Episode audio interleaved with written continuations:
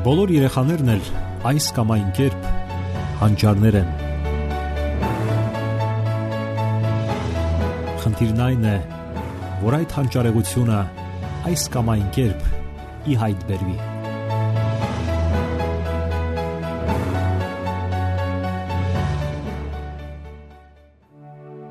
Բարև ձեզ, սիրելի ռադիո լսողներ։ Եթերում դասյարակություն հաղորդաշարն է։ Երեխաների դասյարակության մեջ կարևոր է ոչ միայն ֆիզիկական կարիքները հոգալը, այլ նաև հոգեբանական։ Ցավոք շատ ընտանիքներում երեխաների եւ ծնողների հարաբերությունները հանգում են միայն նյութական հիմնախնդիրներին։ Ծնողները հոգում են երեխաների ուտելիքի, հագուստի եւ այլ կարիքները։ Իսկ ահա հոգեբանական շփումները երբեմն պարզապես բացակայում են։ Սակայն մասնագետ մանկավարժները նշում են, որ գոյություն ունեն པարս եւ կարեւորագույն բաներ, որոնց մասին պետք է իմանա յուրաքանչյուր ծնող եւ դրանք կիրառի կյանքում։ Շատերը փորձում են այսպես ասած մարդ դարձնել երեխային, սակայն տեսադաշտից բաց են թողնում այդ կարևորագույն պահերը։ Եվ այսպես, դուք երջանիկ անznավորություն եք։ Եթե դուք երջանիկ չեք, ապա քիչ հավանական է, որ ձեր երեխաները երջանիկ կլինեն։ Եղեք երջանիկ եւ առանձնակի ջանք թափելու կարիք էլ չի լինի, որ երեխաները այդպիսին կմեծանան։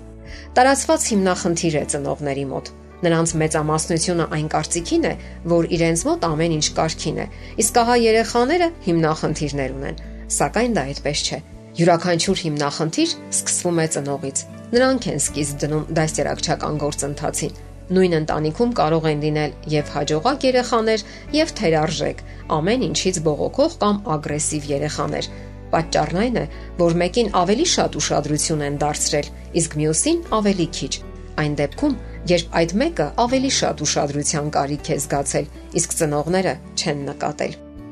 Եվ այսպես, ոչ միայն հացիվ։ Այս արտահայտությունը կարելի է նաև այսպես մեկնաբանել. ոչ միայն խնամք, այլ նաև դաստիարակություն։ Հակցնելը եւ կերակրելը խնամք է, իսկ ահա դաստիարակությունը անհամեմատ ավելին է։ Դա նշանակում է ուշադրություն դարձնել երեխայի հոգեբանական առանձնահատկություններին, ժամանակ հատկացնել զրուցելու եւ լսելու նրան։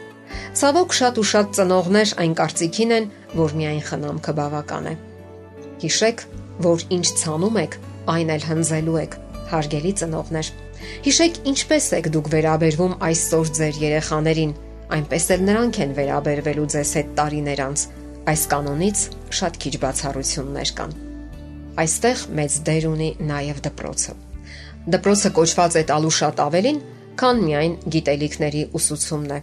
Դպրոցը պետք է տա ոչ միայն տեսական գիտելիքներ, այլ նաև գործնական հմտություններ։ Նա պետք է սովորեցնի կյանքի հմտություններ, շփվելու ունակություններ, մարդկային փոխհարաբերությունների գաղտնիքներն ու խորհուրդները։ Պետք է սովորեցնի պատասխանատվություն կրել սեփական խոսքերի եւ արարքների համար, լուծել իր հիմնախնդիրները, կառուցել հարաբերություններ, պայմանավորվել, ճիշտ տեղաբաշխել ժամանակը։ Այսպես երեխաները պատրաստվում են մտնելու հասուն կյանք, զինված ոչ միայն գիտելիքներով, այլ նաև բարոյական արժեքներով։ Մեկ այլ հարց է, Իսկ արդյոք այսօր դպրոցները տալիս են բարոյական արժեքներ թե տեսականորեն եւ թե սեփական կյանքի օրինակով։ Իսկ ինչ կարելի ասել դպրոցական գնահատականների մասին։ Շատ դպրոցականներ ծայրահեղ ապրումներ են ունենում դպրոցական գնահատականների հետ կապված։ Այս օրինակ հակազդեցությունները ծնողների հակազդեցությունների հայելային արտացոլանքն են։ Եթե ծնողն ինքը հանգիստ եւ հավասարակշիռ է արձագանքում երեխայի վատ գնահատականներին կամ մարզական անհաջողություններին, ապա երեխան ինքը ավելի հանգիստ է արձագանքում։ Դուք ընդհանրապես կարող եք ասել. «Ոչինչ, սիրելիս, մյուս անգամ ավելի լավ կստացվի»։ Համոզված եղեք, որ դրանից հետո երեխան ավելի խաղաղ ու կայուն կլինի, ավելի հավասարակշիռ, կփորձի կարգավորել իր հաջողությունները եւ ավելի լրջորեն կմոտենա այդ ամենին։ Իսկ դուք հիշեք, որ դպրոցական բարդ առաջադրանքները դեռևս չեն նշանակում, որ դրանք ավելի լավն են։ Երեխան չպետք է գեր հոգնի, ավելորդ լարվի։ Իսկ ինչ կարելի ասել պատիժների մասին։ Պատիժները պետք է ունենան դասյարակչական նպատակ, այլ ոչ թե հանգստացնեն ձեզ, ձեր գրգռված նյարդերը, ինչպես ասում են, ձեր սիրտը չպետք է հովանա նրանից, որ դուք պատժեցիք երեխային։ Պատժել երբեմն կարելի է, Սակայն հարկավոր է հստակ սահմանազատում մտցնել երեխայի եւ նրա արարքի միջև։ Ասենք դուք գալիս եք տուն եւ տեսնում եք, որ ձեր ոչ մի պայմանավորվածությունը չի կատարել երեխան։ Տունը թափթփված է, դասագրքերը անգամ չի բացել, եւ այդ ամենից հետո անգամ քիթը խոթել է հեռախոսի կամ համակարգչի մեջ։ Ինչ անել։ Ամենակարևորը։ Պետք չէ վերածվել ֆուրիայի կամ կախարդի եւ բղավել ողջ ուժով մեկ։ Պետք չէ օգտագործել նմանօրինակ արտահայտություններ։ Բոլորի երեխաները կարքին երեխաներ են, իսկ ահա սա իմ պատիժն է Ասենք, որ բոլոր երեխաներն էլ ունեն նույն օրինակ հիմնախնդիրներ։ Նրանք պարզապես կարքին վերաբերմունքի կարիք ունեն եւ նաեւ ուղվելու։ Դուք պարզապես պետք է մոտենաք երեխային առանց որևէ ագրեսիայի։ Ժպտալով գրկեք նրան եւ ասեք. Ես քեզ շատ եմ սիրում, սակայն ահա այս սարքերը դու մի շափատ չես ստանա։ Կարիք չկա բղավելու, ճչալու, վիրավորելու կամ նեղացնելու կամ խռովելու Նա մի շափատ չի ստանա իր համակարգիչը եւ դա հենց իր պատիժն է։ Խոսենք նաեւ գրպանի գումարների մասին։